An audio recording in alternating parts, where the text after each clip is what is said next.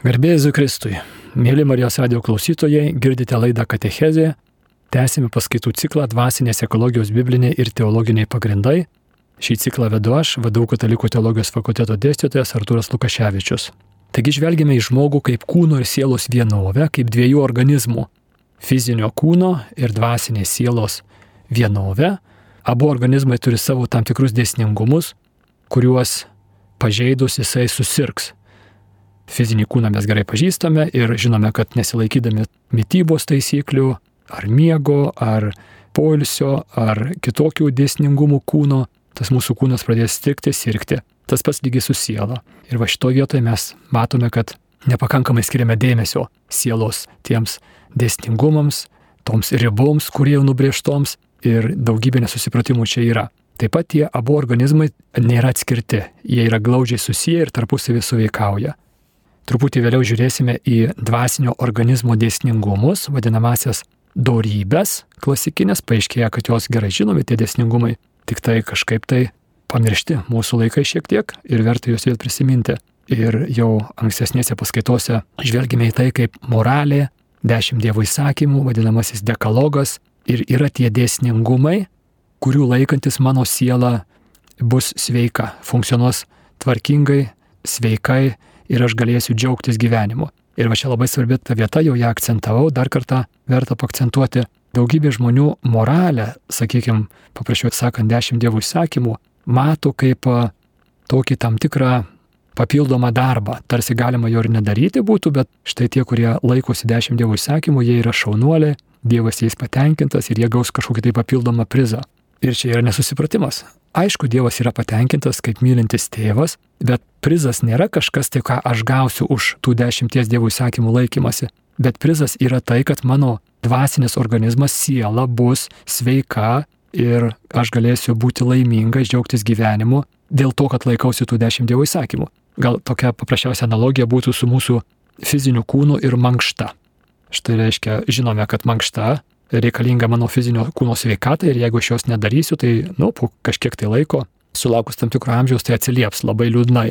Ir tada daugybė žmonių, tame tarp ir aš, puolame sportuoti, mankštintis, ieškoti kažkokio tai sutvarkymo savo kūno, savo fizinio organizmo. Bet nėra taip, kad aš darau mankštą ir galvoju, štai koks aš šaunuolis, aš gausiu kažkokį tai papildomą prizą už mankštos darimą. Ne, mankštos darimas ir yra, reiškia tai, kas padaro mano organizmą sveiką ir įgalina mane džiaugtis gyvenimu.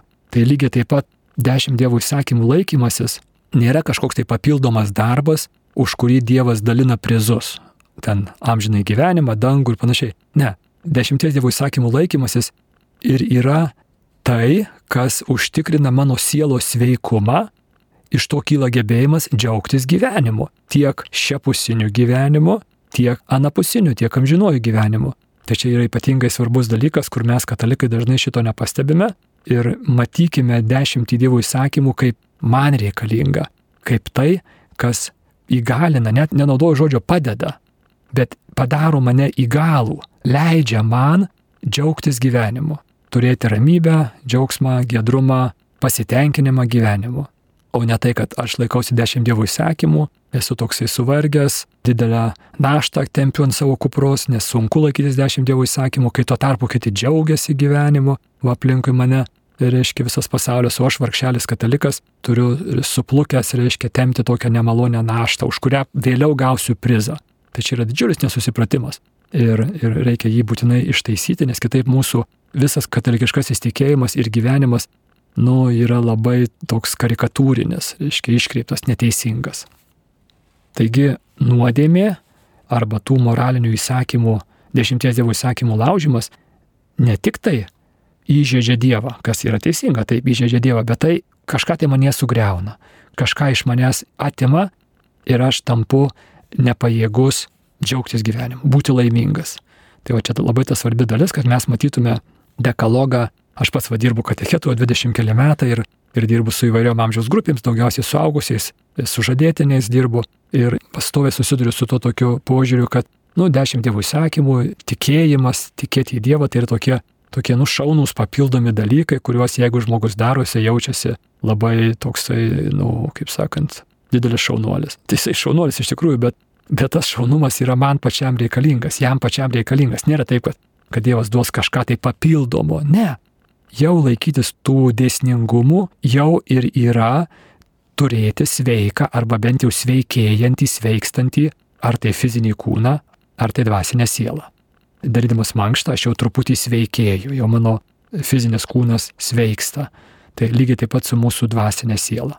Taip pat svarbu yra tai, kad moralės neužtenka. Pasirodo, dešimt dievų įsakymų, krikščioniškoji moralė yra gerai, reikalinga, bet tai yra tik parengiamieji darbai. Gali būti dvasinis organizmas sveikas, bet vis dėlto dar neužpildytas to, ko jisai galėtų būti, turėtų būti užpildytas. Škia sveikas dvasinis organizmas galima būtų palyginti su indu, kuris yra sveikas, bet tuščias, laukiantis, kol jį pripildys tai, kam jisai skirtas, ir tai yra Dievas. Tai va, reiškia, tas mūsų moralumas, vėlgi mes kartais katalikai suprantame tą katalikiškumą, mūsų katalikiškai gyvenimą, tai per nulėkštai suprantam kaip moralės laikymasi, dešimt dievų įsakymų laikymasi. Nepakanka. Reikalingas tikėjimo gyvenimas, reikalingas gyvenimas su Dievu. Ir tada mano tas dvasinė siela, mano tas indas yra užpildomas tos pilnatvės, kurią jisai ir yra sukurtas. Tai yra, tai yra Dievas. Ir su Dievu mane sujungia tos trys teologinės arba dieviškosios dorybės, kurios jau ne žmogaus jėgoms yra, o Dievo duotos dorybės, tai yra savybės, tikėjimas, viltis ir meilė. Tai vėlgi matykime dvasinės ekologijos riba ir ta riba yra štai čia. Reiškia, dvasinė ekologija tai yra mūsų organizmų, fizinio ir dvasinio organizmų sutvarkymas, bet tai nėra tikslas, tai yra tik tai, tik tai pakeliui į įsipildymą, kur įsipildymas yra gyvenimas su Dievu. Ir man atrodo, negi mūsų maldynos yra tokia, nu, frazė, kuri nėra, ne, nėra klaidinga, bet ne, nepilna. Ten, ką reiškia būti krikščioniu klausimas yra, ir, arba kas yra krikščionis. Krikščionis yra tas žmogus, kuris yra pakrikštytas ir laikosi dešimt Dievo įsakymų. E, nėra neteisingas atsakymas, bet nepilnas. Nes žmogus gali būti pakrikštytas, laikytis dešimt Dievo įsakymų ir stokoja tikėjimu. Jis gali būti padorus, ateistas, krikštytas ir moralus žmogus, laikosi dešimt dievų įsakymų, tačiau reiškia stokoja, stokoja reiškia gyvo tikėjimo, gyvo maldos gyvenimo ir panašiai. Aišku, pirmajame dievo įsakyme neturi kitų dievų, šitas kaip ir yra užkoduota, bet daugybė žmonių to nepamato. Tai štai tas svarbus dalykas yra tai, kad mūsų sveikata, fizinė ir dvasinė, yra labai svarbu, bet mūsų įsipildymas yra nesveikumas, o šventumas. Taip pat žvelgiant į nuodėmę, svarbus aspektas yra tai, kad nuodėmė ne tik tai įžeidžia Dievą, bet ir sužaloja mano dvasinį organizmą ir aš nustoju gebėjimu būti laimingas. Tai va tas, reiškia, tas nuodėmės, reiškia, destruktyvumas šiandien dienai labai dažnai nematomas šito vietoje. Tai yra tai, kad nuodėmė padaro mane nelaimingą, padaro mane negebantį džiaugtis gyvenimu. Ir pavyzdys būtų tas paprastas, kurį esu davęs prieš keletą paskaitų. Tas žmogus, kuris pasidavęs yra godumo ir pavydo įdoms ir jisai nuolat, reiškia, geidžia ir, ir daro net neteisingus veiksmus, siekdamas turto. Tai tas žmogus negali būti, reiškia, jis gyvena neramybėje, nepasitenkinime, nes kaimynas visą laiką turi daugiau negu jisai. Arba jeigu ne šitas kaimynas, tai kitas kaimynas turi daugiau negu jisai. Tai va čia ta vieta, kur mes matome, kaip nuodėmė atima iš mūsų laimingumą čia ir dabar, o ne tik tai po mirties. Ir nuodėmės atleidimas yra dažnai neteisingai suprantamas mūsų reiškia nuodėmės atleidimas yra kaip tai, kad nu, Dievas neužskaitys nuodėmės. Teisingai, Dievas mums nuodėmės atleidžia, jisai labai gailestingas ir jis Dievas atleidžia visada. Atsimenat tą tokį žodžių kalambūrą. Dievas atleidžia visada, kai tik aš atsiprašau. Užtenka man tik atsiprašyti, labai nedaug reikia. Tik atsiprašau ir jau mano nuodėmės atleistos yra. Tačiau mano sužalota prigimtis, kurią nuodėmė sužaloja, netleidžia, jinai Dievas atleidžia visada, žmogus kai kada, prigimtis arba gamta niekada. Jeigu mes nusikalstame prieš mūsų aplinką, prieš upes, ežerus, orą, atmosferą, tai tai, ką įdėsi, tą ir gausi. Yra tuščias reikalas atsiprašinėti Nemuno už tai, kad aš jį užteršiau ir dabar Nemunai e, neužskaityk to. Ne, tu ką supylėjai, kokį mazutą ar srutas į Nemuną, tai viskas tenais taip ir yra ir į savo darbą taršalai tie padarys. Tai va lygiai taip pat mūsų prigimtis ir kūniškoji ir dvasinė prigimtis, kaip mes ją sužeidėme, tai jinai yra sužeista. Ir dėl to, kad Dievas nuodėmės atleidžia, taip, atleidžia, bet mano sužeista dvasinė prigimtis išlieka sužeista ir reikės ją gydyti. Va šitos vadalies, reiškia, mes katalikai dažnai nematome ir tikrai daugybė nesusipratimų su Dievo galestingumu šitoje vietoje yra. Dievo galestingumas suprantamas kaip tam toksai, nu toksai nuolaidžiavimas, Dievo nuolaidžiavimas. Reiškia, toks Dievas labai galestingas, tai užtenka man tik tai pasakyti atsiprašau ir paskutinę gyvenimo valandą pasakysiu atsiprašau ir man nuodėmės bus atleistos. Teisingai, jos bus atleistos. Bet jeigu aš visą gyvenimą gyvenu įnikęs, įpratęs nuodėmiauti, tai Dievas atleidžia, o aš negydau savo dvasinės prigimties ir aš vėl kartoju nuodėmę. Ir mano prigimtis ir toliau žaidžiama. Tai čia tiems iš mūsų, kurie jau bandome kovoti su savo nuodėmėmis, įdomis ir žengti Dievo nurodytų keliu, pastebime, kaip mumise vis dėlto mažai ramybės, džiaugsmo, buvimo tokio džiugiai, šviesiai laimingu. Ir tas šitų dalykų nebuvimas rodo mano sužalotą dvasinę prigimtį, tai yra siela. Ir tai, kad aš nueinu iš pažinties, ir tie iš mūsų, kurie einam reguliariai, dažnai iš pažinties šitą pastebėjome, reiškia, po išpažinties kova išlieka su mano sužeista prigimtimi, kova išlieka. Ir reiškia, tada kyla klausimas, kam yra Dievo galestingumas. Dievo galestingumas yra tame, kad jis kiekvieną akimirką yra pasiruošęs ateiti į mano pusę, ateiti man į pagalbą. Dievas yra pasiruošęs ne neužskaityti nuodėmių, taip, jisai atleidžia nuodėmės, bet jisai pasiruošęs man duoti pagalbą, malonę, gydyti savo sužeistą dvasinę prigimtį, kad aš galėčiau tapti džiugesnis, laimingesnis ir ramesnis žmogus, kad turėčiau daugiau gyvenimo džiaugsmo. Tai va šitas elementas yra nepastebimas. Iškia, mes labai retai išpažintyje matome galimybę gauti jėgų tvarkytis savo vidų. Dažniausiai išpažintie mes matome tokį nu mūsų nuodėmio anuliavimą ir tas tiesa, taip ir yra, nuodėmės yra atleidžiamos ir Dievas jas kaip toli rytai nuo vakarų nusviedžia mano nuodėmės nuo manęs ir, ir net toks vaizdingas įsireiškimas, kad Dievas pamiršta mano nuodėmės yra ir tai yra tiesa. Tačiau mano sužeista prigimtis nuo to neišnyksta ir neįsitaiso. Ir jeigu aš turėjau įdas, tai tos įdos išlieka. Tai reiškia, polinkis toliau save žalotis. Ir dabar pagalvokime, Dievas, kuris yra mylintis ir galestingas tėvas, tėvas, koks jo požiūris į tai, kad jo vaikas, jo mylimas vaikas, turi polinkį pats save žaloti ir pats save daryti nelaimingą. Tai be abejo, kad Dievas dės visas pastangas, kad aš šitą polinkį savyje pakeiščiau ir paaiškėja, kad ši čia turėsiu dirbti aš. Savo prigimtį, savo polinkius, savo įpročius, turėsiu keisti aš. Ir labai retai, kada pasitaiko, kad po išpažinties dinksta koks nors blogas įprotis. Yra tokių atvejų, sugirdėjęs pats, kur ten žmogus iš rūkimo ar, ar net iš alkoholizmo yra. Bet dažniausiai tas įpročio, blogo įpročio pašalinimas tai yra įpročio save žalotis, įpročio naikinti savo laimingumą. Pašalinimas yra ilgas ir kantrus mano darbas, įgalintas Dievo malonės. Dievas duoda man vilties, duoda man jėgų judėti, duoda man, reiškia, ryšto daryti veiksmą vieną veiksmą po kito, e, nepalūšti, kai nesiseka, vėl kartoti ir vėl kartoti. Tai va čia Dievo malonė. Taip, Dievo malonė nėra tame, kad jisai automatiškai tuos blogus įpročius pašalina. Ne. Dievo malonė yra tame, kad jis duoda man jėgų darbuotis, kaip Paulius, apaštalas Paulius sako, darbuotis savo labui, tvarkyti savo dvasinį sužeistą organizmą, su kuriuo aš galų gale dalyvausiu dangaus puotoje. Tas organizmas yra man reikalingas kam? Tam, kad jisai taptų pajėgus mylėti.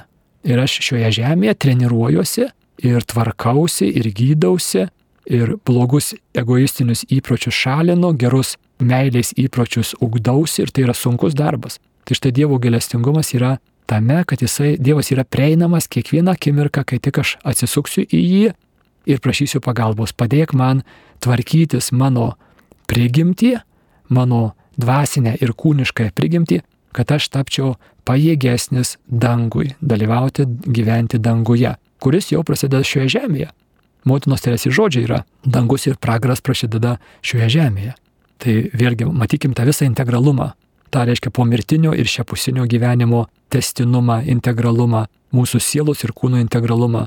Ir tada teisingai supraskime ir priimkime Dievo malonę, kaip pagalba keistis. o ne kaip tokį reiškia, tokį prizą, kurį aš pasyviai prieimu ir tiesiog, tiesiog jis mane kaip pirštų spraktelėjimas pakeičia ir man nieko nereikia daryti. Ne, ne, ne. Visą laiką reiškia, mes dalyvaujame mano laisva valia. Dangus yra pasiekiamas tik tai, tik tai laisvai už jį apsisprendus ir apsisprendinėjant pastoviai. Mano laisva valia, kuri turės nugalėti įpročius priešingus dangui, yra labai svarbi. Tai va ta kova su mūsų įpročiais ir Dievo galestingumo vieta šitoje kovoje turime iš naujo permastyti, nes kitaip gaunasi tokie, nu, tikrai dideli nesusipratimai. Taigi, būtų nelogiška prašyti, kad Dievas neužskaitytų, kai aš, pavyzdžiui, pažeidžiu savo fizinio organizmo dėsningumus ir tada sutrinka mano fizinė sveikata. Pavyzdžiui, nedarau mankštos. Būna stebuklų, būna, kad Dievas atstato fizinę sveikatą, nors aš nesveikai maitinausi ar nesilaikiau miego režimo ir Dievas padaro stebuklą, reiškia, ir mano ten tie sužalotumai dinksta. Bet dažniausiai, kaip taisyklė, Dievas, reiškia, tų stebuklų nedaro ir aš esu pats kviečiamas imtis darbo, pradėti teisingai gyventi, teisingai maitintis, teisingai fizinį aktyvumą daryti. Taip mano kūnas sukonstruotas, tai vadinasi, Dievo valia yra, kad aš gyvenčiau tą tą reiškia Dievo įdėktus dėsningumus atitinkantį gyvenimą. Ir būtų neteisinga prašyti, kad aš neteisingai gyvenu, neteisingai maitinuosi ir Dieve neuskaityk to. Ką, ką reiškia neuskaityk? Tai reiškia, tai tu kaip, kaip laisvas, atsakingas žmogus darai pasirinkimus ir nori, kad Dievas neužskaitytų. Tai tu prašai, kad Dievas atsakomybę paimtų nuo tavęs.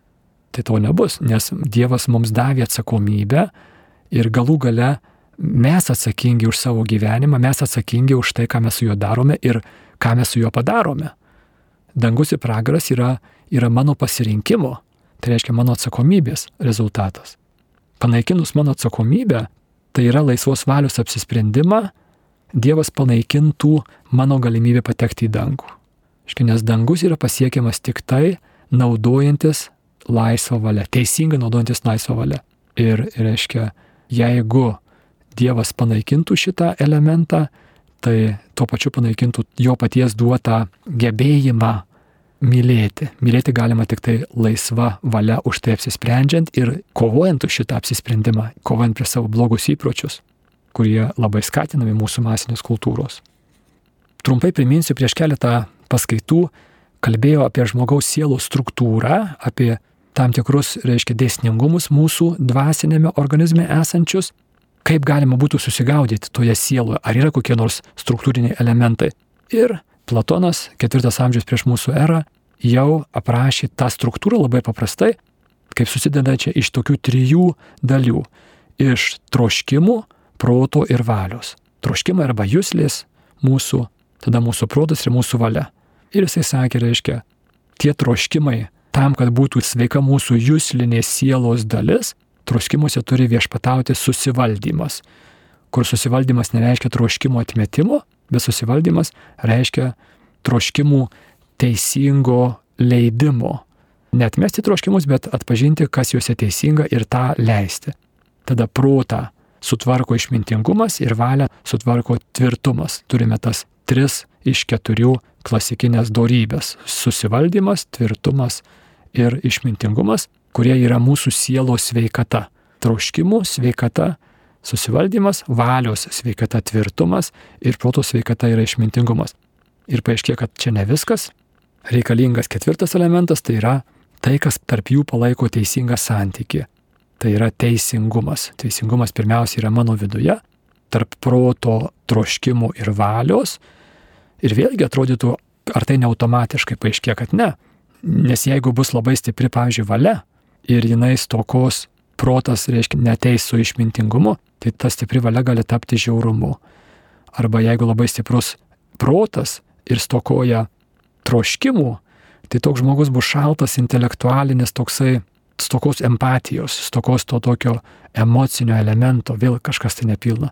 Tai teisingumas pirmiausiai palaiko teisingą santyki tarp mano viduje ir tada tas teisingas santykis mano viduje įsireiškia teisingų santykių su išorė, su kitais žmonėmis, su pasaulio struktūromis ir, ir taip toliau, tas teisingumas. Bet praktikoje šitos keturios klasikinės kardinaliosios dorybės labai retai kada būna, nu turbūt net gal niekad nebūna atskirai.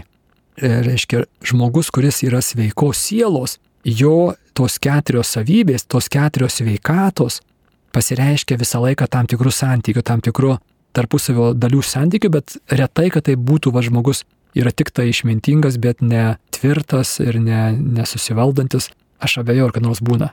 Tai praktikoje mes turime tų keturių darybių, klasikinių darybių tam tikrą santykį.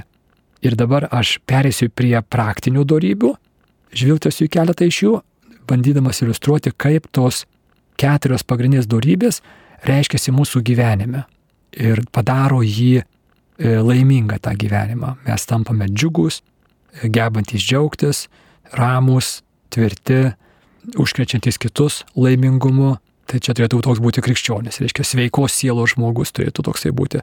Taigi tos keturios pagrindinės darybės aptarsiu, kaip jos reiškiasi mūsų kasdienybėje, žvelgdamas į tris praktinės darybės.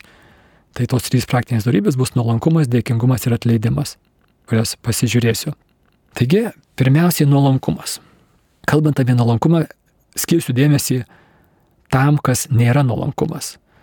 Labai didžiulis skirtumas yra tarp mūsų literatūrinėje lietuvių kalboje naudojamo nuolankumo sampratos ir biblinės nuolankumo sampratos. Specialiai pažiūrėjau lietuvių kalbos žodynę ir teisinga nuolankumo samprata štai tokia. Reiškia, nuolankus yra, kuris kitiems nusilenkia, nusileidžia. Vaižganto citata. Žemaičiai žmonės atkaklus ir nenuolankus moka save vertinti. Kita citata iš sovietinės spaudos. Buržuazija stengiasi įdėkti lietuvių tautai vergišką nuolankumą išnaudotojams. Ne, reiškia, toks nuolankumas išnaudotojams būtų. E, Vincas Mokilatis Putinas turi tokią citatą. Toks didelis buvo šito žmogaus klusnumas ir nuolankumas, kad jis pateisindavo net ir aiškiai neteisingus bei nedorus pono darbus. Tai šituose citatuose mes nuolankumą matome kaip tam tikrą pasyvumą, savo nuomonę, savo balsų neturėjimą, leidimą būti stumdomu, bestuburiškumą, nusilenkimas bet kuriam kitam žmogui, silpnumo ženklas. Štai toksai nuolankumas, nuomonės ir drąsos neturėjimas. Toks nuolankumas labai artimai bus susijęs su veidmainystė, noru patikti ir įtikti kitam ir, ir panašiai lietuviškas tarybinių laikų filmas Tas prakeiktas nuolankumas, kai kas atsimena šitą pavadinimą. Vaižganto apysakos dėdės dėdinės motyvais. Prastas filmas, nesu matęs jo, bet esu skaitęs truputėlį, tai iš tuo supratau, kad filmas nėra, nėra tikrai aukšto lygio, bet pats pavadinimas yra, reiškia, atsimenat Mykoliukas tenais, tas prakeiktas nuolankumas yra. Tai šituo požiūriu nuolankumas būtų e, labai labai toli nuo biblinės sampratos. Biblinėje sampratoje nuolankumas yra visiškai kas kita ir truputį dar norėčiau pakalbėti apie tą literatūrinę nuolankumo sampratą. Citata iš Justino Marcinkievičiaus poemos Kraujas ir Pirenai, būdų sovietmetis 1960 metai, aš kaltinu visus, visus, visus išmokiusius lietuvį nuolankumo.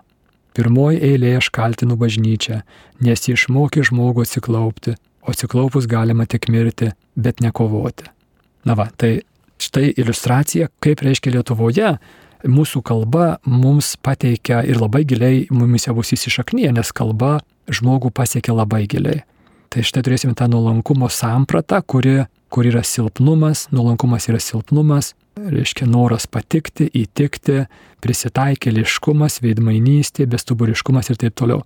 Kai aš tą citatą Marsinkievičiaus radau, e, ruoždamasis jau prieš keletą metų Aš galvoju, kaip gaila, kad Justinas Marcinkievičius nebuvo susipažinęs su 12 žingsnių, nes alkoholikai gerai žino, kad padarę pirmą žingsnį, tai yra, tai yra pripažinę savo pralaimėjimą, iš esmės atsiklaupę.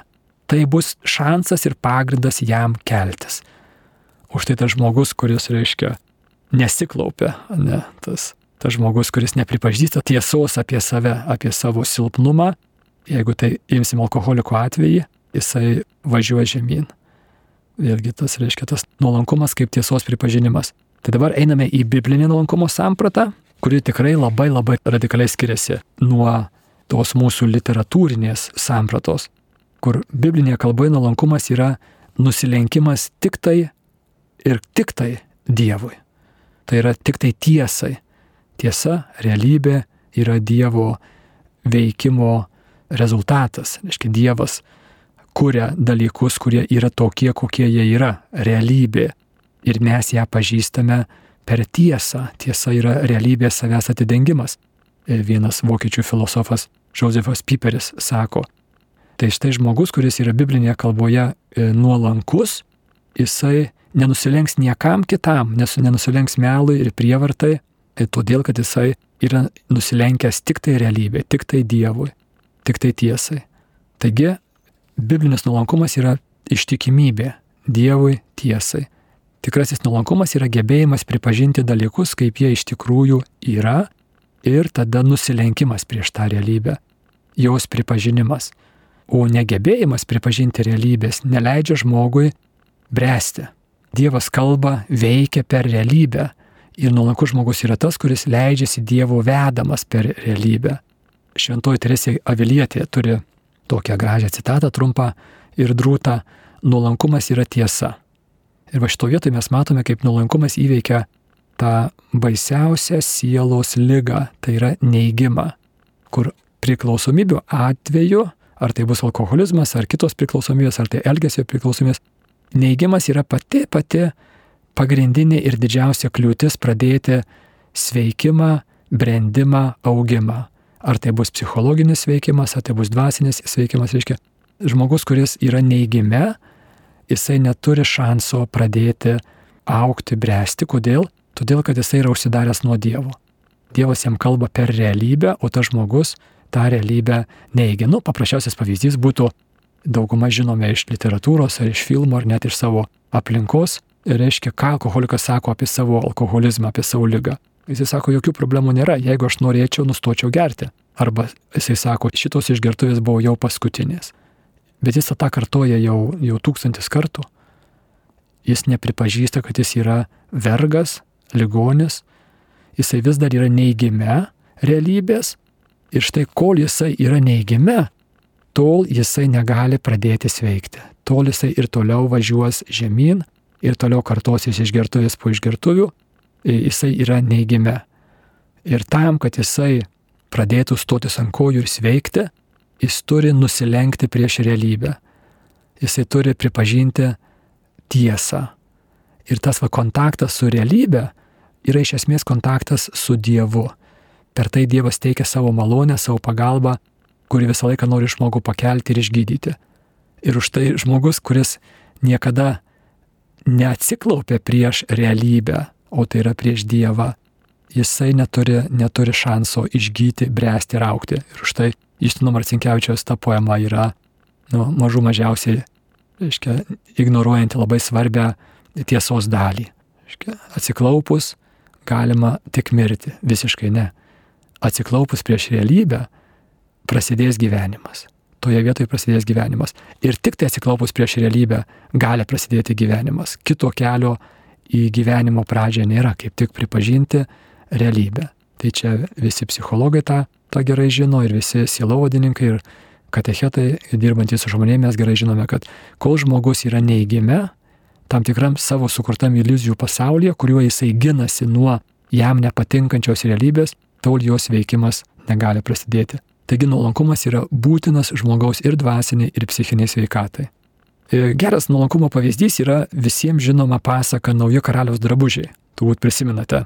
Reiškia, karalius, kuris buvo toksai tuščia garbės ir labai mėgdavo puoštis, reiškia, labai daug išleisdavo pinigų drabužiams ir atsirado du apsukruoliai, kurie sugalvojo karalių apgauti jie pasakė, kad jie ilgai siūs labai ištaigingus, ištaigingus, turtingus karalius drabužius naujus ir kainuos tie nauji drabužiai labai daug pinigų ir jie turės tokią įdomią savybę, kad tuos naujus drabužius galės matyti tik tai protingi žmonės, o kvaili žmonės jų nematys, tų drabužiai bus nematomi kvailiems.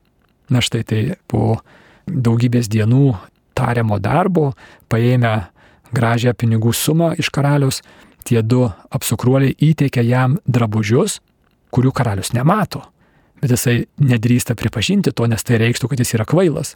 Ir jo visi dvariškiai to nepripažįsta, nes jie bijo būti apkaltinti, kad yra kvaili. Taigi visi gėrisi naujaisiais karalius drabužiais ir karalius jais apsirengęs važiuoja pasirodyti miestelėnams savo karietoje ir visi miestelėnai aikčioja ir ūkčioja, kokie gražūs naujieji karalius drabužiai.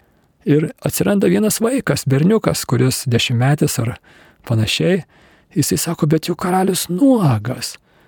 Na ir tada, aišku, žinome, visa minė pradeda šaukti, kad vis dėlto karalius nuogas. Prireikė žmogaus, šiuo atveju vaiko, kuris išdryso pripažinti tiesą, kuris išdryso pripažinti realybę. Tai čia būtų nuolankumo pavyzdys ir vėl matome, tai kas tas nuolankumas yra. Aišku, nuolankumas bus teisingumas, bet ir tvirtumo reikia. Aišku, vaikui gal, gal čia lengviau truputėlį, bet vis tiek reiškia reikia tam tikros drąsos pasipriešinti miniai ir sakyti, jų karalius yra nuogas. Tai štai nuolankumas būtų, taip galime bandyti nuolankumo formulę išvesti, reiškia, iš kokių klasikinių darybių, reiškia, reikia nuolankumo. Tai be abejo, išmintingumo reikia, teisingumo, tvirtumo daug, ne, tokių, va, tai matykim tą, kokio procentų bandykim tai pažiūrėti, ko, ko čia daugiau ir, ko, ir koks čia santykis tų klasikinių darybių kardinaliųjų įeina į nuolankumo formulę. Vėlgi imu tą alkoholizmą kaip mums labai gerai pažįstamą atvejį, bet kreipkite dėmesį, kad mes visi esame dažniausiai, labai mažai žmonių dabar yra, kurie nebū, neturėtų tam tikrų priklausomybių. Nes manęs auditorija kartais klausia, kodėl tiek daug kalbu apie alkoholizmą, juk mes nesame alkoholikai. Tai mes nesame alkoholikai, bet mes esame kažkokie tai kitokie holikai, kažkokie kitokie nuodėmio holikai. Kažkur tai kitur bandome rasti savo laimę, bet ne Dievuje. Ar tai bus pinigai, Daugybė žmonių slapta ar neslapta tikisi, kad pinigai padarys juos laimingus. Arba malonumai, arba kažkas. Tai čia va, būtų mūsų, mūsų didžiulės, didžiulės priklausomybių sritys. Tai vėlgi tą alkoholizmo pavyzdį sugebėkime išsiversti į mūsų realijas. Taigi alkoholizmo gydyme 12 žingsnių yra toks pasakymas. Reiškia, kad alkoholizmas panašus į vidury kambario esantį dramblį kurį visi žino, bet niekas apie jį nekalba. Visi neigia jo buvimą. Pats alkoholikas neigia ir jo šeimos nariai yra išmokę neigti realybę. Ir tikrai liūdna, liūdna tiesa yra apie alkoholizmą, kad visa šeima neigia. Reiškia, kad tėvas, reiškia, jam ten skrandis, tai jam ten kepinys, tai kažkas, tai bet ne alkoholizmas, ne, ne, ne. Per daug baisu pripažinti šitą, šitą baisę lygą. Tai jie kalba apie tą, toks posakis, kad, reiškia, kambaryje yra dramblys, yra tam tikra metafora, anglų kalboje reiškinti svarbę ir didelę temą, kuri yra vengiama. Mes apie ją nekalbame. Bet kol jinai yra vengiama ir neigiama, neigiamas jos egzistavimas tos problemos, neįmanoma pradėti gydyti. Kas bus tas pirmas drasus berniukas, kuris sakys, ne, tiesa yra tokia, kad vidury kambario yra baltas dramblys, mūsų gyvenime yra šita baisi realybė ir kol mes ją neiksime, jinai didės jinai auks, o mes nuo jos nusisukę bandysim tokiu būdu ją išspręsti, pasislėpti po antklodę. Žinot, kaip vaikai, kai uždega užuolaidas, pavyzdžiui, žaidimi su degtukais ir jau įsigasta dūmai, tai jie bėga slėptis po antklodę arba po lovą. Tai čia yra panašus, reiškia, panašus dalykas kaip neigimas. Mes visi tą darome. Mes visi slepiamės po tam tikrais, reiškia, iliuziniais apsauginiais dalykais, kurie negali apsaugoti. Antklodė nuo gaisro neapsaugos. Ir kas pirmas tą pasakys, kad, ei, gaisras kambaryje, bėkime, laužkime duris ar kopėčią statykime, tai tas pirmas sudarys sąlygas problemai spręsti. Tai tas žmogus bus nuolankus. Taigi nuolankumas, pagalvokime, reiškia, tie žmonės, kurie, e, aš vis prisimenu, sovietmečio disidentus, tie, kurie leido kroniką ir kitas, jie buvo labai nuolankų žmonės jie pripažino tiesą ir atsisakė pripažinti melą. Tai yra nuolankumas. Jie atsisakė nusilenkti melui. Arba tie žmonės, kurie išdryso pasipriešinti kokiam nors, nu, būtinėje lygmenyje, gal viršininkas koksai tironiškas ar, ar panašiai, ar neteisingi valdžios reikalavimai gali būti, tai tas žmogus bus nuolankus. Tai yra nuolankumas. Pasipriešinti melui, netiesai, nedorybei, ir, reiškia, stovėti už tiesą ir tuo pačiu už Dievą. Arba galvokime apie magnifikatą, apie Marijos giesmę. Yra stulbintas tekstas. Atsimenat, mano siela šlovina viešpatį, mano dvasia džiaugiasi Dievu savo gelbėtoju, nes jis pažvelgia į savo tarnaitės kokią savybę, pagalvokime. Turbūt tikėjimą. Ne, turbūt meilę. Aukščiausia darybė. Turėtų būti meilė šito vietoje. Ne, nes jis pažvelgia į savo tarnaitės nuolankumą. E, lietuškas tekstas sako į savo nuolankę tarnaitę, bet toks pažodinis vertimas būtų į savo tarnaitės nuolankumą. Taigi turime pasvardyti nuolankumo vietą mūsų gyvenime, nes Dievui reikalingas nuolankumas. Tai nereiškia toksai bestuburiškumas, bet reiškia žmogaus įsipareigojimas tiesai. Ir dėl to atmetimas bet kokio melo. Ant šito pagrindo Dievas gali statyti ir daryti didžius darbus, kuriuos padarė Marijos gyvenime. Ir jeigu nėra nuolankumo, tai tada to pagrindo nėra ant ko statyti. Taigi nuolankumo priešingybė būtų saviapgaulė, realybės neigimas, kas yra pagrindinės kliūtys į dvasinę ir psichologinę sveikatą. Ir 12 žingsnių nuolankumas yra visų pirma pirmajame žingsnėje. Tai yra pripažinome, kad esame bejėgiai ir kad mūsų gyvenimas yra sužalotas, nevaldomas, kaip jie sako, kaip 12 žingsnių. Tai čia būtų tas pagrindas, kad pripažįstame, kad mūsų kambarys dega. Tada galim ieškoti adekvačių priemonių. Tai būtų ta tokia turbūt viena iš svarbiausių, gal pagrindinė praktinė darybė - nuolankumas. Yra jų ir be abejo daugiau tų darybių, aptarsime jas kitose laidose. Girdėjote laidą Katechezė, ją vedžiau aš, vadovau Katalikų teologijos fakulteto dėstytojas Artūras Lukaševičius. Likite sveiki.